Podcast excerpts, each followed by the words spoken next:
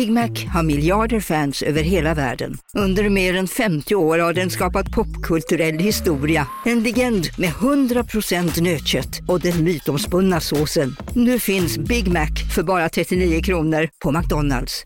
Hej, Susanne Axel här. När du gör som jag och listar dig på en av Krys vårdcentraler får du en fast läkarkontakt som kan din sjukdomshistoria. Du får träffa erfarna specialister, tillgång till lättakuten och så kan du chatta med vårdpersonalen. Så gör ditt viktigaste val idag, listar dig hos Kry. Okej hörni, gänget! Vad är vårt motto? Nej, allt är inte alltid som du tror. Nu täcker vårt nät 99,3 procent av Sveriges befolkning baserat på röstteckning och folkbokföringsadress. Ta reda på mer på 3.se eller i din 3-butik.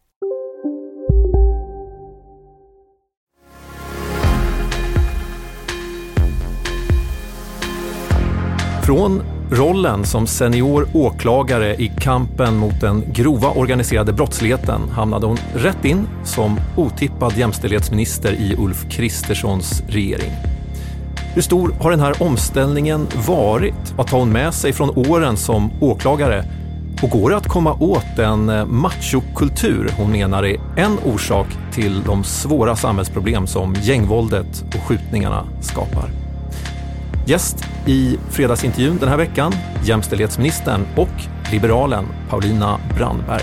Jag heter Magnus Thorén. Paulina Brandberg, välkommen till fredagsintervjun. Tack så jättemycket. Den 18 oktober, då presenterades du som regeringens jämställdhetsminister.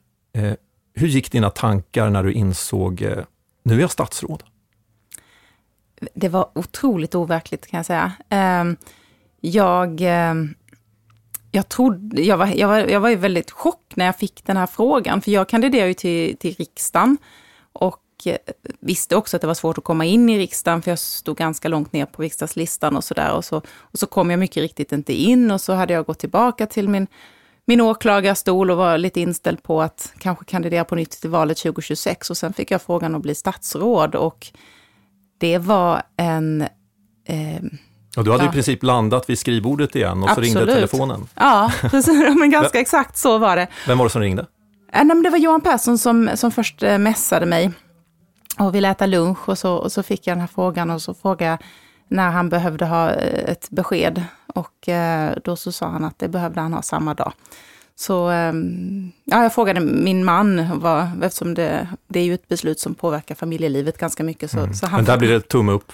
eh, där blev det, där blev det men min min man sa det, han vet ju, han vet ju hur jag eh, ja, verkligen vill vara med och lösa samhällsproblem. Och får man då en möjlighet att bli statsråd så fin, alltså det, det är ju inte ett alternativ att tacka, tacka nej. Mm. Så lite besvikelse först, du kom inte in i, Mm. i riksdagen trots en hel del eh, personkryss ändå. Mm. Och sen får du ett mycket finare jobb eh, kort tid därefter. Eh, det måste ha känts lite konstigt. Ja, men jättekonstigt. Och fortfarande kan jag säga än idag, nu är det ju en åtta månader in, att jag, jag har fortfarande svårt att, att förstå att jag sitter på den stolen där, jag- där jag sitter. Och, eh, vi har ju regeringssammanträde varje torsdag och jag, jag tycker fortfarande att det är konstigt att Du får att nypa jag, dig i armen Ja, lite men grann. faktiskt, Ja. faktiskt så. Varför eh. föll valet på dig då, tror du? Nej, men jag hoppas att, att valet föll på mig därför att jag har eh, en hel del eh, erfarenhet från, ja, fr- framförallt från mitt tidigare yrkesliv som åklagare, som, som jag själv tror och hoppas kan ha vara till verklig nytta i politiken. Ehm, jag har ju gjort en lite ovanlig resa på det sättet att jag kom in i politiken ganska så sent. Jag har inte gått via ungdomsförbundet, utan jag, jag gick med i partiet 2014. Sen var jag lite engagerad i, i kommunpolitiken lite vid sidan av. Jag satt som ersättare i, i socialnämnden och utbildningsnämnden. Ehm, men sen var det ju först 2020 som jag ja, kastade mig in i den offentliga debatten och, och blev mer engagerad i rikspolitiken. Så det, det, Mm. Mycket på Twitter bland annat och, och i krönikor och sådär. Ja, det var det.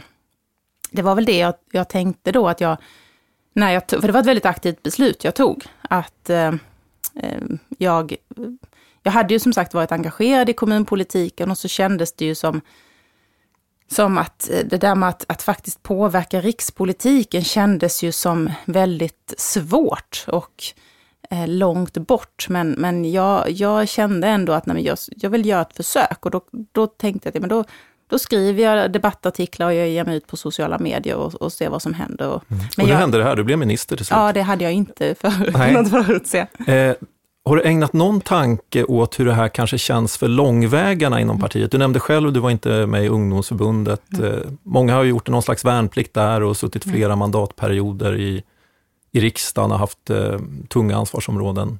Eh, hur kändes det att gå förbi alla dem? Nej, men jag tror att, jag hoppas att jag eh, kan visa att, att det finns fler vägar in i politiken. Att det är inte så att bara för att man inte har gått via ungdomsförbundet så har det tåget gått. Utan jag tror att det behövs många olika eh, erfarenheter i politiken. Och, och jag är ju väldigt glad att Liberalerna då valde den vägen att, att eh, plocka in någon som faktiskt kommer lite mm, så att säga, från sidlinjen. För att visa att, att det är också en, en möjlig väg att gå och att, att eh, erfarenheter från yrkeslivet också är, är väldigt värdefulla i politiken. Mm. Eh, nu är du ju högst ansvarig kan man säga i Sverige när det gäller frågor som jämställdhet och arbetsrätt. Eh, hur bra koll hade du på hur regeringsarbetet funkar och, och vad som förväntas av ett statsråd när du klev in där? Jag eh, hade ju den fördelen att jag för eh, faktiskt över förra valet så jobbade jag på, på regeringskansliet på, på justitiedepartementet som opolitisk tjänsteman.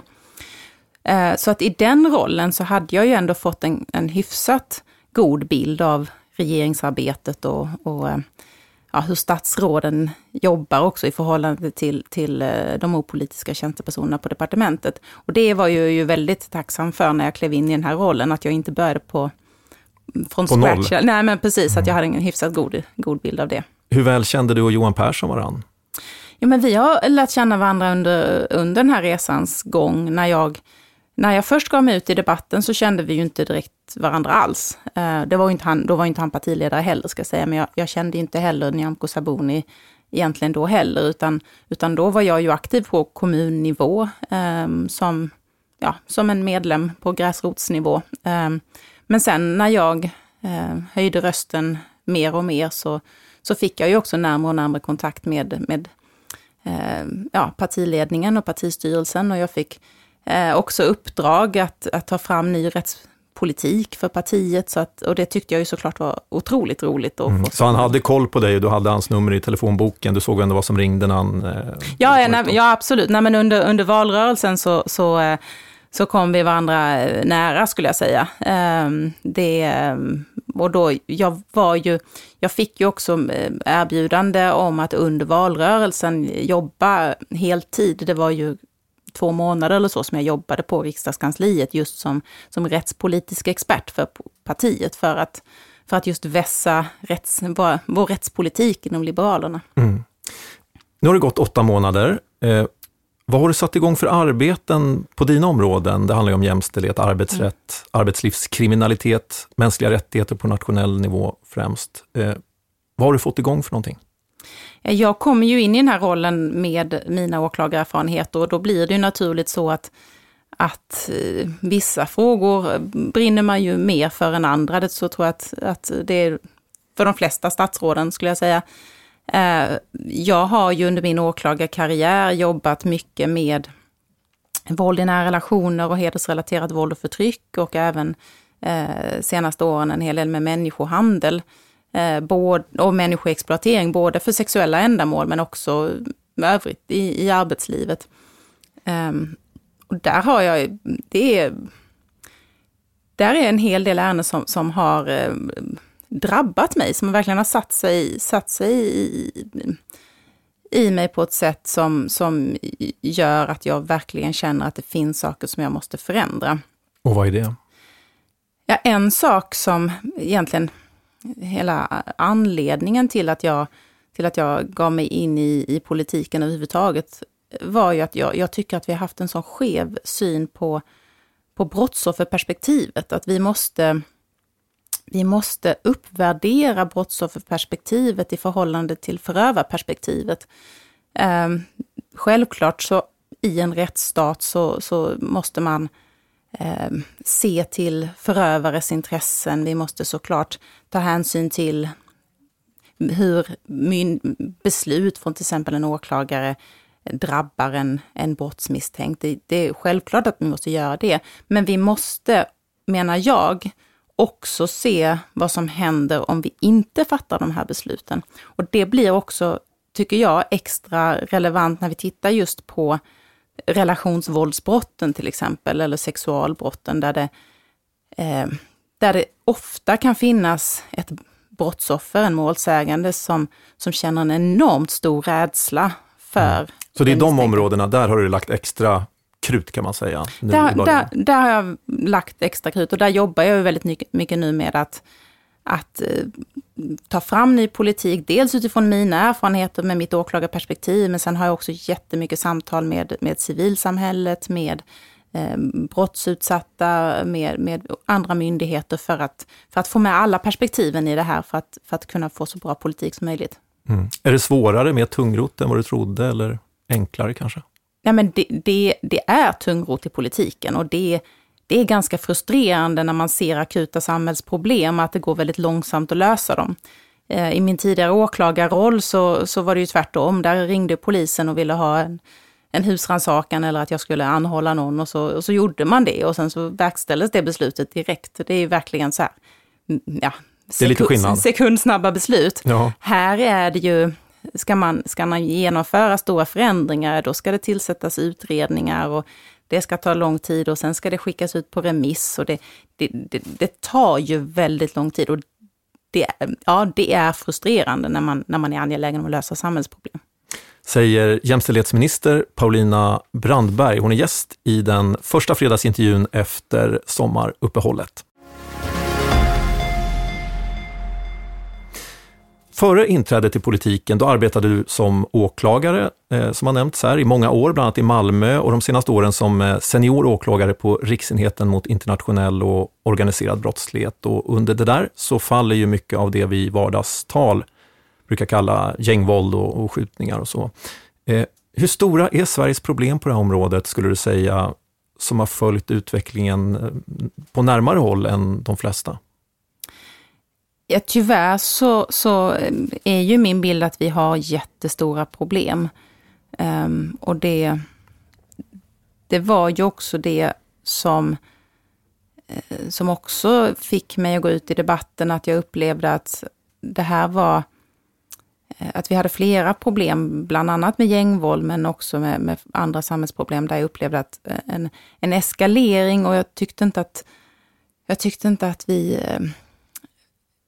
agerade på den här eskaleringen. Jag tyckte att vi, vi, vi låter ju det här gå så långt. Och vilka är vi i det fallet? Samhället, eh, generellt. Eh, Polis, skola, politiker, media? Fram, ja, framförallt eh, från politiskt håll kände jag att, eh, ehm, att jag, jag var till exempel ganska förvånad över, jag och mina kollegor, vi jobbade ju med, med det här hela, hela tiden.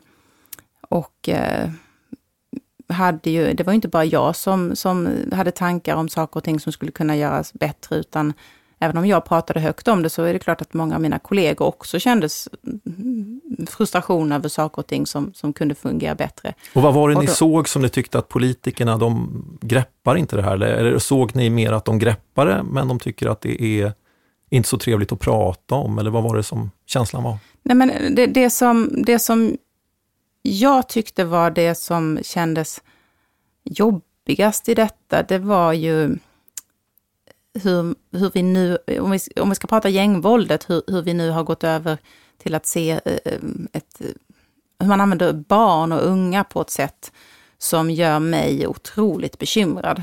Ehm, de verktygen som vi har jobbat med har inte varit anpassade för det. För att vi, dels har vi haft påföljdssystem och, och eh, överhuvudtaget, även både, både inom rättsväsendet och inom socialtjänsten, så har vi inte varit, vi har inte varit eh, rustade för att ha 15-åringar som går omkring med tunga automatvapen och, och förvarar knark. Vårt system är överhuvudtaget inte anpassat för det och vårt system är inte heller anpassat för att hantera både de ungdomarna och ha verktyg för att komma åt de som, som driver det här våldet framåt, de som anstiftar de här barnen. För någonstans är det ju de som är det absolut viktigaste att komma åt. Eh, Var det det där som du tyckte att du och dina kollegor såg tydligt före många andra? Ja, det är klart att när man jobbar med detta hela tiden så, så ser man ju detta och, och det är klart mm, en sak som var en stor väckarklocka också, det var ju Encrochat och allt det materialet som, som vi fick genom, genom Encrochat där det som vi tyckte oss ha anat när det gäller just den här problematiken hur man använder barn.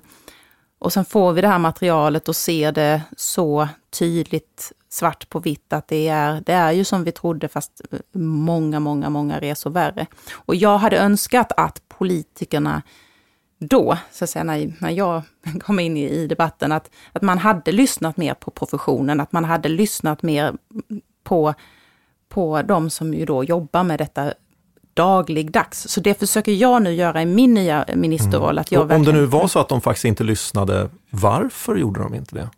Ja, och det var det jag inte förstod. Det var det jag inte förstod och det var därför som jag också kastade mig ut i debatten och, och började skrika ganska högt. För att Eh, jag kände att jag kan inte sitta och se det här och känna att det finns så mycket som vi kan göra så mycket bättre. Och vara tyst om det. Det gick inte för mig. Jag behövde, det, det, det nådde någon slags gräns där jag kände att nu måste vi, nu måste jag skrika så att, så att jag i alla fall ja, nästan måste bli lyssnad på. Mm. Men du har funderat på det där såklart. Eh, varför kändes det som att ingen lyssnade? Ja, men det, jag, tycker att det, jag tycker det är eh, svårt att förstå och jag kan... För mig så är det att om du, om du genuint vill lösa samhällsproblem, då måste du ju prata med experter. Du måste ju prata med dem som, som ser, som jobbar med problemen i verkligheten och eh, tanka av olika experter och, och, och yrkespersoner, deras eh, erfarenheter och, och, lyssna av vilka, vilka möjliga vägar framåt som kan finnas för att lösa detta. För, att jag, jag för mig finns det inget annat sätt att, att, jobba på och jag tror att, att som politiker så behöver man inse att man sitter ju inte automatiskt med alla lösningar själv, utan de, de så att säga, lösningarna finns ju hos de personerna som, som ser det här eh, från, från första paket. Mm. Eh, benämningen organiserad brottslighet eh, används ju på, på den här avdelningen där du var senioråklagare. Hur, hur organiserade är de här kriminella och våldsamma gängen egentligen? Ja, det, det, är en, eh, det, är en, det är en relevant fråga, för att å ena sidan så, så är det ju organiserat på så sätt att, att ofta tydliga strukturer och hierarkier um, där man eh, eh, har tydliga gängtoppar och sen har man mellanskikt och sen har man så kallade springpojkar ofta som är de som, som springer med vapen. Och man, man ser också ganska ofta starka lojaliteter inom de här nätverken. De kallar varandra ofta för bror, oavsett om det är faktiska bröder eller inte. Men, men sen är det ju också intressant att se att, att eh, lojaliteterna också snabbt kan skifta. Det kan hända saker som gör att det blir osämja och så splittras de här eh, organisationerna. Så att, så att när det gäller just gängkriminaliteten så, så kan det å ena sidan vara ganska organiserat, men, men det kan också snabbt bli oorganiserat om det händer saker som, som rör om. Ja, ibland får man intrycket av mm. att det är närmast kaos. Polisen hänger inte med. Mm. Forna vänner blir, blir fiender över en dag och sådär nästan. Ja, nej, men lite så eh, är väl min bild också. Att, att det, kan, det kan skifta snabbt. Och, eh, och, det är klart att det komplicerar också. Så både organiserat i, i stunder, men, mm. men sen plötsligt ganska oorganiserat. Ja, går fram och tillbaks. Det skulle jag nog säga är, är min bild. Eh, ett exempel, eh, exempel dyker upp på ledare som befinner sig till exempel Turkiet, eh, också i de här gängen, som lagens långa arm då har svårt att komma åt. Eh, är det där en pågående utveckling, att de här kriminella nätverken förgrenar sig ut över landets gränser och dyker upp i, i andra länder också, internationellt? I de, i de utredningarna som, som jag har arbetat med så har det absolut varit eh, kopplingar till, till utlandet. Och det är också jag jobbar ju, det, det jag jobbade på heter ju Riksenheten mot internationell och organiserad brottslighet. Och det är ju också en, en särskild eh, kammare där man har eh, kompetens gällande eh, internationellt samarbete och hur man samarbetar mm, över landsgränser med brottsbekämpning helt enkelt. Och när det, i de här nätverken så, så är ju alltid, eh, vill jag påstå, eh, narkotika förekommande. Och då krävs det ju också ofta import från andra länder och eh, därmed så finns det också ofta förgreningar eh, till andra länder gällande narkotikahandel och så, så att det finns ju i bakgrunden. Och när det gäller gängtopparna så, så eh, är min erfarenhet att, att det är inte så ovanligt att de har rört sig in och ut ur landet. Mm. De sitter, de kanske bor i, i, andra länder och svårare att komma åt på det sättet också? Ja, det blir absolut svårare att hantera när, när det finns, eh, när man behöver arbeta internationellt. De här åren som du jobbar med det här som åklagare, det var ju också i hög grad åren då, då debatten verkligen tog fart kan man säga, eh, kring om samhället har tappat kontrollen över den här utvecklingen med skjutningar och vittnesmål också från poliser kom att unga stod i kö för att få gå med i gängen och du var ju själv delaktig i debatten som jag nämnt. Eh, hur var det att följa diskussionen, hur den lät i media och bland politiker inifrån som åklagare? Nej, men det var ju väldigt intressant och det var ju intressant att se vilka förflyttningar som skedde och som, som nu också, jag känner, jag är ju väldigt glad nu att den här regeringen genomför väldigt mycket av det som, som jag kände verkligen behövde genomföras i min tidigare åklagarroll. Um, under valrörelsen så, så var jag ju ute och pratade en hel del om detta och, och gav exempel på sådana här saker som, som verkligen väckte frustration hos mig för att de var så idiotiska. Och ett sådant exempel var ju att, att eh, ett viktigt verktyg som man har när man tittar på, på ehm, eh, att komma åt den här organiserade brottsligheten, det är ju eh, hemlig avlyssning och bland annat hemlig rumsavlyssning, vilket har blivit viktigare nu sen vi knäckte Encrochat. Så, så ser vi ju att många möten där man diskuterar allvarlig brottslighet äger rum i till exempel källarlokaler och så vidare.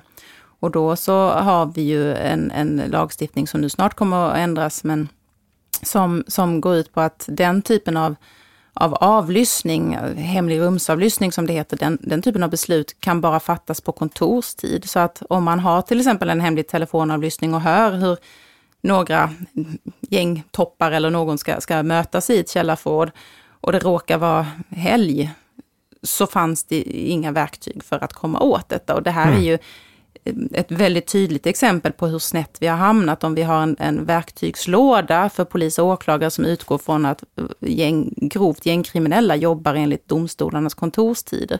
Ja, lite frustrerande kanske. Ja, men väldigt frustrerande och det, det, det tycker jag är ett, ett tydligt exempel på hur, hur långt efter vi, vi har legat. Ja, jag tänkte just fråga det. Du nämner ett exempel där, men varför har resultaten i form av uppklarning varit så dåliga hittills? Ja, ett, ett, en förklaring som jag ser är ju att när vi har den här strukturen med eh, gängtoppar som, som ger direktiv till yngre eh, springpojkar. Det enda sättet att komma högre upp i hierarkin, det är ju just att ta del av kommunikationen. Det finns ju egentligen inget annat sätt att, att komma åt dem som driver det här våldet framåt. Det är få som vittnar. Ingen vittnar. Ingen, ingen vittnar, nej, nej, ingen vittnar. Så att, så att det är ju ett, äh, kommunikationen som är nyckeln till att, att faktiskt komma åt äh, ja, de som, som, som man verkligen vill komma åt. Och där eh, har vi ju varit extremt senfärdiga i Sverige. Det finns ju numera, sedan 2020, finns det ju någonting som heter hemlig dataavläsning, där man numera kan ta del av kommunikation som även sker via appar. Men innan den här lagstiftningen i april, tror jag det var, 2020, så hade alltså polisen inga som helst möjlighet att, att följa kommunikation som skedde via till exempel Messenger eller WhatsApp. Det behövde alltså inte vara någon särskilt krypterad kommunikation, utan det räckte att kommunikationen skedde över datanätet istället för via sms eller så som telefonnätet. Så fanns det inga verktyg för oss att att ta del av den kommunikationen. Och där kan man jämföra till exempel med Danmark som införde motsvarande verktyg 2002. Vi var alltså 18 år efter Danmark med en sån här ganska självklar åtgärd att när, när teknikutvecklingen påverkar vårt sätt att kommunicera så måste ju såklart lagstiftningen hänga med. Och det där kommer att göra skillnad? Vi kommer att se en stigande uppklarningsprocent, eller? Alltså det, så, det som, så här, det här fick vi ju då 2020 och då hade vi ju redan låtit den här utvecklingen gå väldigt, väldigt långt. Så att, så att det här är en jätteviktig nyckel i uppklarningen.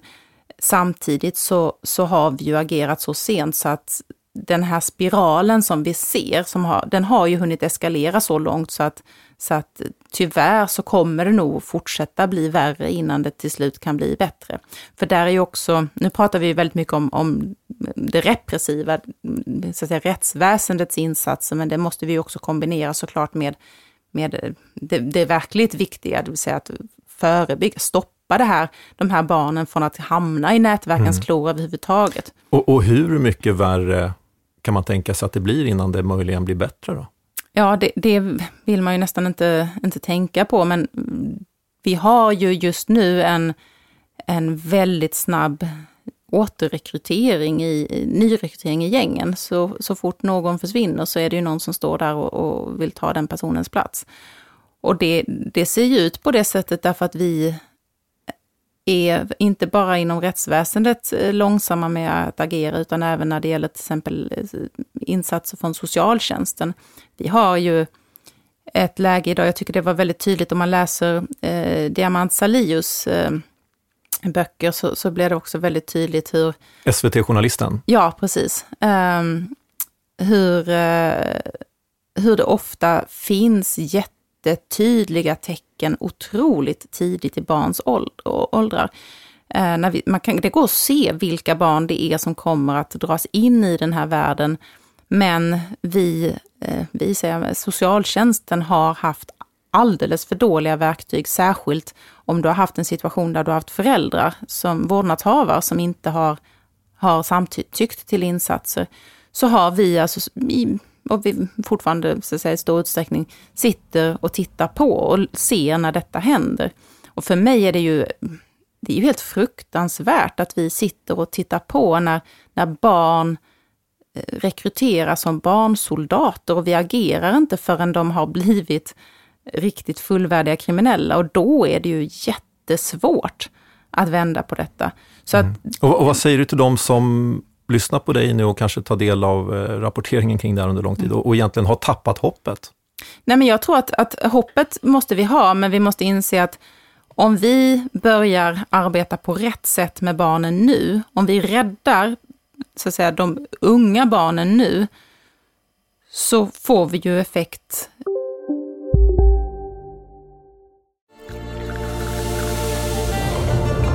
Välkommen till Maccafé på utvalda McDonalds restauranger med Baristakaffe till rimligt pris. Vad sägs om en latte eller cappuccino för bara 35 kronor? Alltid gjorda av våra utbildade baristor.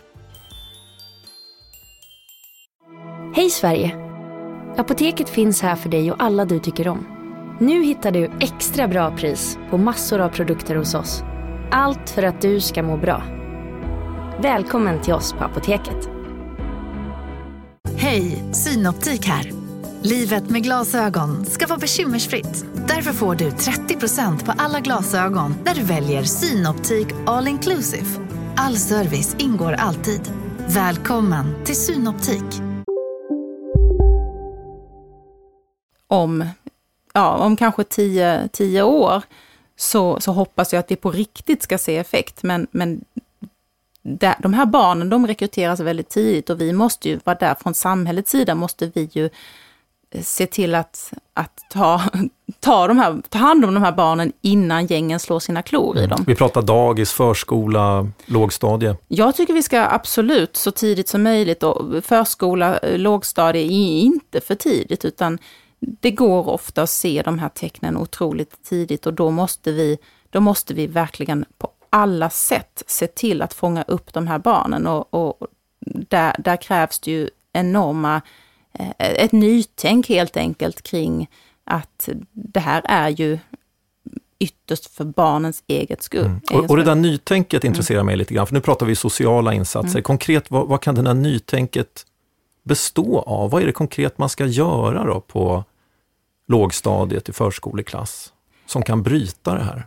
Eh, jag, jag, tror att vi måste, det som den här regeringen också menar, den, den, vägen som vi nu går, det är ju att vi måste se att socialtjänsten få, måste få en, en, större verktygslåda även i de fallen när, när eh, vårdnadshavare inte ser behov av insatser vi måste, vi måste kunna, det kan inte vara så att vi inte kan göra någonting om vårdnadshavarna tackar nej till insatser. Så man ser tidigt på ett barn, här är det normbrytande beteende, socialt beteende, man går hem och mm. knackar på hos föräldrarna, mm. de är inte så intresserade av att delta.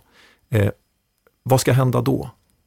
Ja, då får man ju se till så att det blir insatser och, och ta hand om barnet, så att säga, se till så att barnet får eh, sina grundläggande behov tillgodosedda. Vi måste se till så att föräldrarna förstår allvaret med detta, att man från samhällets sida stöttar upp föräldrarna i sitt föräldraskap och ytterst så måste det ju vara så att om vi ser att det är ett barn som, som är på väg in i grov kriminalitet, om vi också har familjer där, där man kanske har eh, storebröder som redan är gängkriminella och vi ser att det finns ett, ett yngre barn som är på väg samma, samma väg, då kan det ju inte vara ett alternativ att, att fortsätta se den utvecklingen pågå, utan då måste vi ju ha så pass skarpa insatser som krävs för att rädda det här barnet från att gå samma väg. Mm. Och om det är det här med att eh, stötta och berätta för föräldrarna är den mjuka sidan, vad kan den hårda sidan vara? Om, om föräldrarna ändå kanske står med armarna i kors och säger att vi sköter det här, eh, lägger inte i. Ja, det kan ju aldrig vara ett alternativ att sitta och se på när ett barn blir en barnsoldat, så att ytterst så får det bli ett omhändertagande om man ser att, att det fortsätter i den riktningen. Men det är klart att man vill ju inte omhänderta barn, men, men man vill ju ännu mindre se barn bli barnsoldater. Eh, ekonomiska konsekvenser eller att mm. på något sätt laborera med, med, ja, med ekonomi helt mm. enkelt. Är det ett alternativ? Jag tror att vi är i en situation där vi behöver vända på alla stenar. Vi, vi behöver inse att vi behöver sätta in de här tidiga insatserna och vi behöver tänka väldigt kreativt kring hur vi ska, hur vi ska göra det. Och, och i detta så tror jag, lite för att knyta an till det jag sa innan, att prata med de som i sin profession möter de här barnen och ser de här varningstecknen prata med socialtjänsten för att verkligen hitta de åtgärderna som kan rädda de här barnen. För vi kan inte, vi kan inte luta oss tillbaka och, och säga att nej, det, det går inte. För det, det, kan aldrig vara ett alternativ. Mm. Eh, de här unga gärningsmännen eh, som du stötte på i utredningar som, som åklagare. Eh, från ditt perspektiv, vilken värld lever de här unga männen egentligen i? En värld som är väl, väldigt långt ifrån um, så säga, många andra delar av samhället som, som kanske jag och du lever i. Um, en värld där vapen och narkotika introduceras otroligt tidigt. Där det ofta finns um, få förebilder i, i ens närhet som som har gått den vägen som vi vill att de här barnen ska gå, det vill säga eh, fullfölja skolgång och hitta ett yrke. Om man inte har, om man lever i en värld där det är väldigt få, där man inte har någon föräldrar som, som arbetar och kanske ingen annan släkting heller som arbetar. Och man känner att det inte är en väg som, som kommer vara framkomlig för en själv heller mycket den världen. Eh, och, och, när de har hamnat där, eh, är de egentligen i en situation då man kan säga att där är det nästan lönlöst att sätta in resurser. Det är svårt att ändra kurs där. Jag eh, tycker aldrig att man kan säga att det är lönlöst, för att jag tycker alltid, jag tycker inte vi kan ge upp eh, på någon av de här ungdomarna. Men vi måste inse att ju tidigare vi kan skapa förändring i de här barnens liv, desto större framgångschans eh, finns det. säger Paulina Brandberg, gäst i fredagsintervjun. Paulina Brandberg, du är minister med ansvar för jämställdhetsfrågor och i en DN-intervju så var du inne på synen på hur en man ska vara och att eh, machokultur har en koppling till det här gängvåldet vi ser. Jag, jag citerar dig här ur, ur intervjun. Det finns definitivt maskulina destruktiva normer. Jag har jobbat med hedersrelaterat våld och förtryck samt med gängbrottslighet. Min bild är att det finns samma typer av normer och värderingar som driver de här problemen. Kan du utveckla det där lite grann? Nej, men jag, jag tror att vi, vi behöver se att det finns en linje däremellan. Min, ofta pratar man ju om att det är, är narkotikan som driver gängkriminaliteten. Och min bild är ju att narkotikan absolut finns där. Eh, jag har nog aldrig varit i kontakt med ett gängmål som in, där det inte har funnits någon narkotika. Men det här riktigt hänsynslösa våldet som vi ser, min bild är att det mer är drivet av ett hämndtänk, ett, ett tänk kring att, att just återupprätta en, en skadad heder, en, att, att man har blivit kränkt helt enkelt. Um, att en, någon som man ser som sin bror, antingen att det faktiskt är en biologisk bror eller att det är någon i ens nätverk som man har nära relation till, kanske har blivit skjuten och då finns det bara en annan, ett sätt att återupprätta hedern och det är att, att kallblodigt mörda tillbaka. Och som jag sa i, i den här DN-intervjun också, så ska man sen också kanske gärna skriva en, en rap-låt om det för att hämnden ska bli maximal och att mm. man verkligen ska ha återupprättat den här heden. Och där ser jag likheten mellan det som, som jag har hanterat när jag haft hedersrelaterad eh, våld och förtryck i, i, så att säga, i en mer så att säga, våld i nära relation-kontext, om man säger så. Um, mycket handlar just om att man, man har, har, blivit kränkt, man behöver ha ett sätt att återupprätta sin heder. Och, och var, där, kom, var kommer den här machokulturen ifrån? När det gäller hederstänket och när det gäller just det här att, att, eh, så att säga, ställa saker till ordning, det blir ju lite av en, en, på ett sätt en parallell rättsskipning, i alla fall om vi tittar på, på gängkontexten. Vi, vi om vi ska hitta lösningar så, så kan vi inte bortse från den kulturella kontexten här. Och det här är ju personer som, som ganska ofta kommer från länder där, där staten är ganska svag, där familjekontexten blir en helt annan, där, där det är eh, familjen som, som, inom familjen, att man har ansvar för att på något sätt hålla hedern uppe och, och, även i de andra sociala sammanhang, därför att man, man kan inte lita på att staten tar den, den, den uppgiften, därför att det finns inte en fungerande rättsapparat. I Sverige så ska det ju aldrig vara ett alternativ, utan det är klart att vi måste ha en fungerande rättsapparat och, och eh, det är ju staten som ska inte hämnas, men ställa saker till rätta, ge upprättelse um, när ett grovt brott har begåtts till exempel. Men den här, jag tror att ska vi hitta de här lösningarna så måste vi också titta på den här kulturella kontexten och se varifrån den kommer. För att vi ska kunna hitta lösningar både vad gäller det hedersrelaterade våldet och förtrycket och gängvåldet. Mm. Och vad är det man måste förstå där då, för att kunna angripa problemet? Ja, men jag tror att vi behöver förstå just vad hur, så att säga, hur synen är inom de här grupperna på eh, hur stark den här drivkraften är att, att man, det är inte ett alternativ att inte hämnas. Att har man någon i ens närhet som har blivit skjuten och på samma sätt som ju faktiskt då eh, kan vara ännu svår, svårare att förstå då i den hedersrelaterade eh, kontexten, att, att om man tycker att en en flicka eller kvinna har, har kränkt, på något sätt har, har vanhedrat familjen, så måste man agera för att, att återupprätta den hedern och, och ytterst så, så eh, blir det ju då med blodspillan. Det här är fredagsintervjun från Kvartal och du lyssnar just nu på den version av podden som är öppen för dig som inte prenumererar. Det innebär att vi nu kommer att hoppa över en del av intervjun med jämställdhetsminister Paulina Brandberg. Detta eftersom det förstås ska löna sig att vara prenumerant. Det du som inte prenumererar går miste om det är ett avsnitt där vi pratar om eh, skillnaden mellan hederskultur och eh, en vanlig, kanske lite konservativ uppfostran.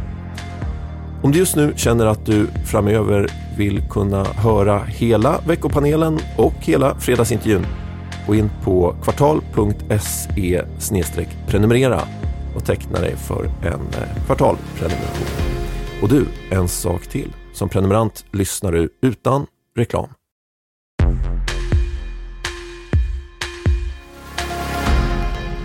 Eh, vi ska återvända till kulturen och, och, prata lite om den också en bredare, på ett bredare sätt. Gränsen mellan föräldrars sätt att få uppfostra sina barn eh, på ett sätt som de tror är bäst och, och det här vi kallar för hederskultur, kontroll. Eh, vad går den? Ja, men den går ganska tydligt skulle jag säga med grundläggande mänskliga rättigheter och grundläggande värderingar kring människors och även barns fri och rättigheter. Det är klart att vi... Eh, det finns väldigt många olika synsätt på hur man eh, uppfostrar barn och det finns ju såklart även mellan olika svenska föräldrar eh, och även mellan olika föräldrar i, samma andra så att säga, kulturer. Ehm, men vi måste såklart ha en jätterak linje när det gäller att uppfostra barn med våld. Där ska vi inte på något sätt vika en tum. Ehm, det mm. är någonting som, där det finns en social acceptans i väldigt många länder. Så inte bara att det är lagligt i många andra länder, utan att, att det, det är självklart sätt att, att uppfostra sina mm. barn. Ja, våld, våld är, är tydligt då på, på fel sida gränsen såklart. Absolut. Jag kan, eh. som exempel bara, jag, jag jobbade efter gymnasiet som au pair i, i Frankrike. Och, och, där blev jag ju uppmanad av mamman i den här familjen att använda våld eh, mot de barnen som jag eh, passade. Det blev en ganska eh, jobbig stämning kan jag säga mellan mig och madame där när jag vägrade använda våld. För det var ju inte ett alternativ för mig. Du låg inte för dig riktigt? Nej, jag verkligen inte. Men, men om man testar lite grann. Eh, sådana saker som att man måste vara hemma, vi säger att man måste vara hemma klockan nio på kvällen trots mm. att man kanske är 17 år. Eh, man får inte bli ihop med en kille som man är kär i, eh, föräldrarna tycker att det där är ett dåligt sällskap. Sånt där kan ju i vissa sammanhang kanske tolkas som hederskultur och i andra som något annat. Eller?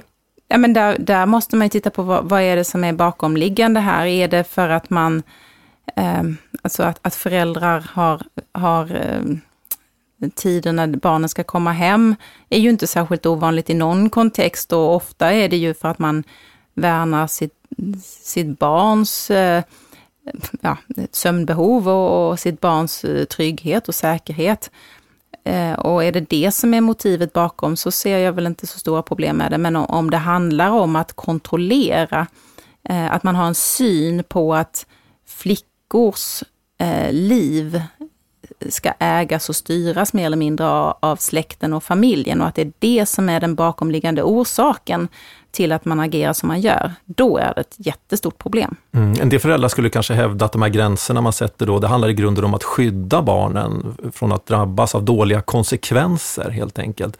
Eh, kräver det ändå en form av noggrannhet i, i hur man definierar hederskultur? Är det lätt att mycket går in under det som kanske i andra kontexter inte alls bedöms eh, vara problematiskt? Nej, men jag tror det är jätteviktigt att vi, att vi noga att vi är noga med hur vi definierar det, för det här är en problematik med en, en särart, men det handlar ytterst om, när, när vi pratar om hederskultur, då handlar det ju ytterst om en, en kontroll av eh, främst då unga eh, flickor, eh, där det handlar om att de inte ska vanhedra familjen och släkten och att, att en, ett synsätt på att man, det är släkten och familjen som, som styr och bestämmer över, över flickans eh, kropp och liv och val av livspartner och, och där ska vi inte heller vika en enda tum från svenskt håll. Finns det en risk eh, ändå här att det på, av vissa kanske upplevs som lite dubbla måttstockar, alltså begränsningar som en, vi säger en kristen familj med två svenskfödda föräldrar,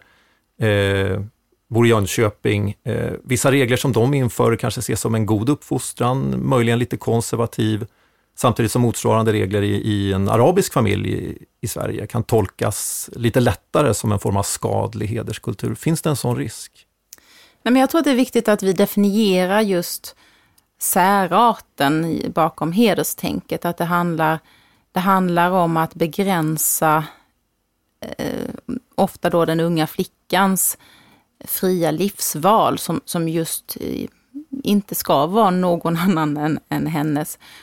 Och, och, här tror jag att, att vi i den definitionen så är det viktigt också att prata om att, att här finns här finns, det här är inte någonting som bara sker, ett problem i muslimska kontexter till exempel, utan om vi tittar i, i den kristna kontexten så, så kan vi ju se att eh, så kallade omvändelseförsök förekommer, där, där man det finns konservativa familjer som inte vill acceptera homosexualitet till exempel för att man tycker att det är någonting som vanhedrar familjen och som man skäms över och där man då känner att man vill ändra sitt barns sexualitet. Det är ju också någonting som, som vi måste ha nolltolerans för och där den här regeringen också kommer har i tidavtalet sagt att det är någonting som vi vill kriminalisera och det spelar ju ingen roll om, om den typen av omvändelseförsök sker i en kristen familj i Jönköping eller i en arabisk familj i Järva. Det är lika förkastligt var det än sker. Mm. Du, eh, Liberalerna, partiet som du tillhör, eh, det beskrivs ju fortfarande ofta som ett delat parti mellan mer socialliberala krafter, eh, man kan säga lite mer Maria Leissner, Bengt Westerberg-anda eh, och lite mer hårdkokt av karaktären Nyamko Sabuni eller tidigare partiledaren Lars Leijonborg. Eh, hur märker du av den där sprickan i partiet som eh, minister? Nej men det, det är ju absolut, det är ju ingen hemlighet att vi har haft eh, mycket höjda röster i vårt parti kring inte minst det vägval som vi har gjort gällande den här regeringsbildningen. Och, och det är ju inte heller någon hemlighet att det finns stora skillnader eh, i den liberala ideologin och den ideologin som Sverigedemokraterna står för. Det är ju någonting som, som var väldigt påtagligt under valrörelsen såklart, när, vi, när den här frågan var eh, fortfarande, så att säga, där vi inte hade, hade, vi hade tagit ställning, men vi visste fortfarande inte hur valresultatet skulle bli. Mm. Och, men letar sig den här sprickan även in på ditt departement? Nej, men jag upplever att, jag upplever att eh, vi har ett bättre läge i partiet nu, att vi, eh, nu har vi en, en regering och jag, jag upplever att, att den fungerar bra. Jag upplever också att de flesta i vårt parti upplever att det här, trots eh, våra skill, så att säga, skillnader med, med, med Sverigedemokraterna, så, så har vi en regering som, som fungerar bra, som kan hantera samhällsproblem, som kan hitta eh, bra lösningar på de här samhällsproblemen så att vi, vi kan få ett bättre Sverige. Och det är ju någonstans det som vi, som vi eh, ytterst vill ha. Mm, och du uppfattas ju, ska vi väl säga, eh, för transparensens skull, tillhöra den lite så att säga hårdare sidan i partiet när det gäller synen på migration, brott och straff och synen på samarbete med SD. Ser du det också så, uppfattar du dig som en som en sån liberal på den sidan? Det är klart att, att om man eh, debatterar repressiva åtgärder så är det klart att man eh, lätt hamnar eh, i det facket. Ehm, I min nya ministerroll så har jag ju mer egentligen mjuka frågor. Jag har ju mycket som gäller mänskliga rättigheter. Jag har ju hbtqi-frågorna som ligger på mitt bord. Och där är ju frågor där, där Liberalerna och SD tycker olika, men trots det så ser jag positivt på det här samarbetet därför att jag upplever inte att tidigare regering kunde lösa de riktigt allvarliga samhällsproblemen vi har. Och då så är det min starka övertygelse att, att den vägen som vi nu har gått med det parlamentariska läge som vi har, jag menar det är en realitet att, att Sverigedemokraterna eh, har ett stort stöd av svenska folket och det det har skapat en, en, parlamentarisk realitet som gör att eh, ska vi ha ett regeringsskifte så, så behöver vi hitta sätt att samarbeta trots de här eh, meningsskiljaktigheterna och trots väldigt olika syn på olika frågor. Och jag upplever att, att resultatet eh, av den här regeringsbildningen har blivit bra. Sen kommer vi fortsätta prata om, om de frågorna som vi, där vi tycker olika. Jag menar det, man ser ju till exempel hur Johan Persson och Jimmy Åkesson pratar om dragqueens i, i partiledardebatter och, och mm -hmm. det, det, kommer vi ju fortsätta så att säga stå upp för de frågorna där vi verkligen tycker annorlunda jämfört med Sverigedemokraterna. Men, men, men har Liberalerna och, och, Sverigedemokraterna ändå eh, i, i någon mening närmat sig varandra? Börjar det mer och mer bli två partier som kanske till och med skulle kunna sitta i samma regering?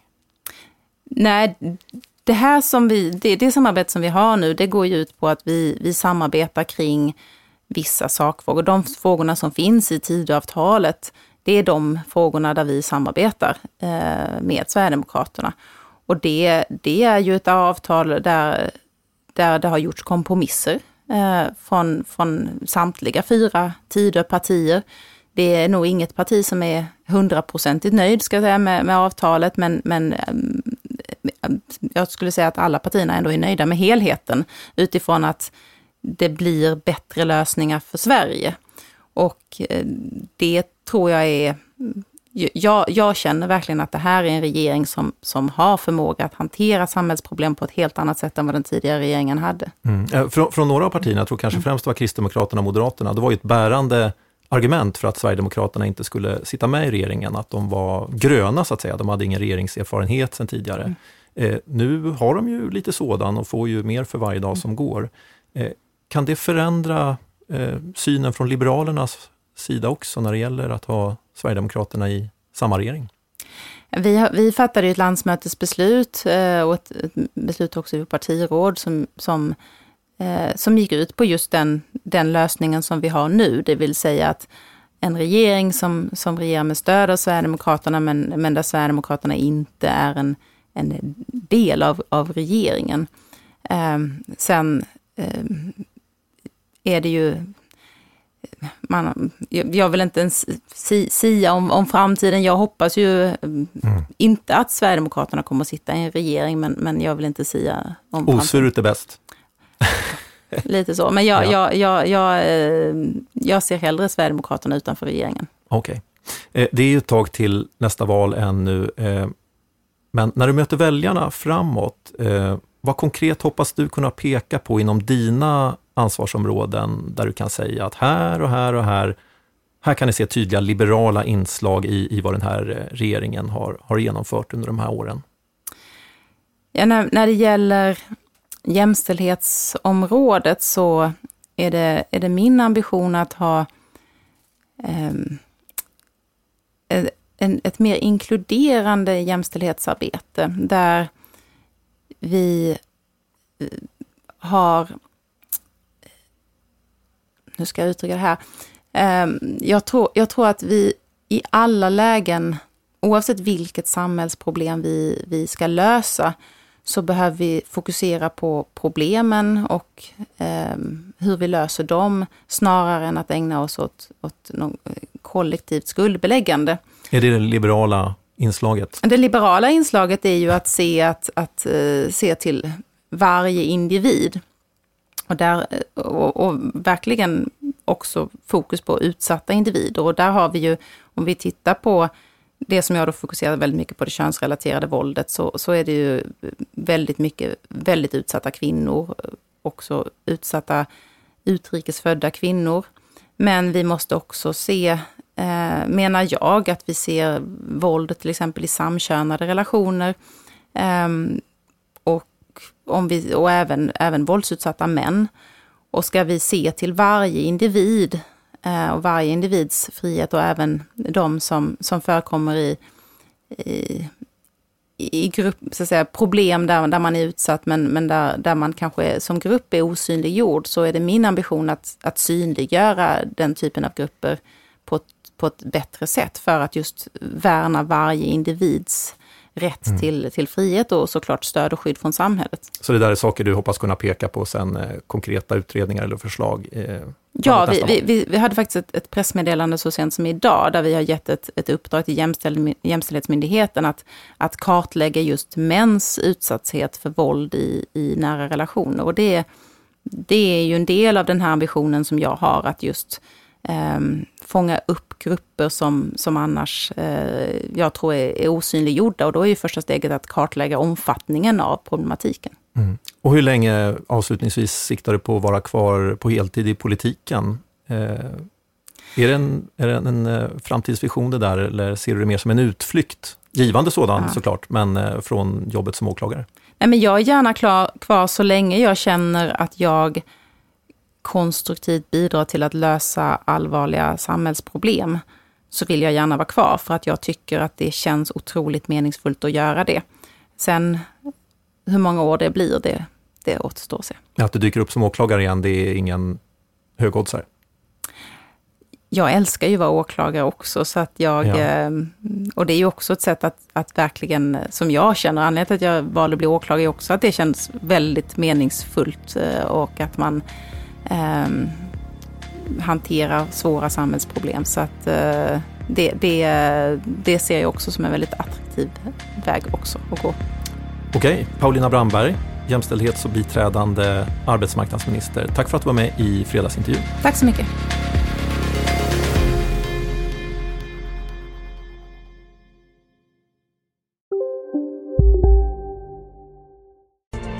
Kurrar i magen och du behöver få i dig något snabbt? Då har vi en Donken deal för dig. En chicken burger med McFeast-sås och krispig sallad för bara 15 spänn. Varmt välkommen till McDonalds. En nyhet. Nu kan du teckna livförsäkring hos Trygg-Hansa. Den ger dina nära ersättning som kan användas på det sätt som hjälper bäst. En försäkring för dig och till de som älskar dig. Läs mer och teckna på trygghansa.se. Trygg Hansa. Trygghet för livet.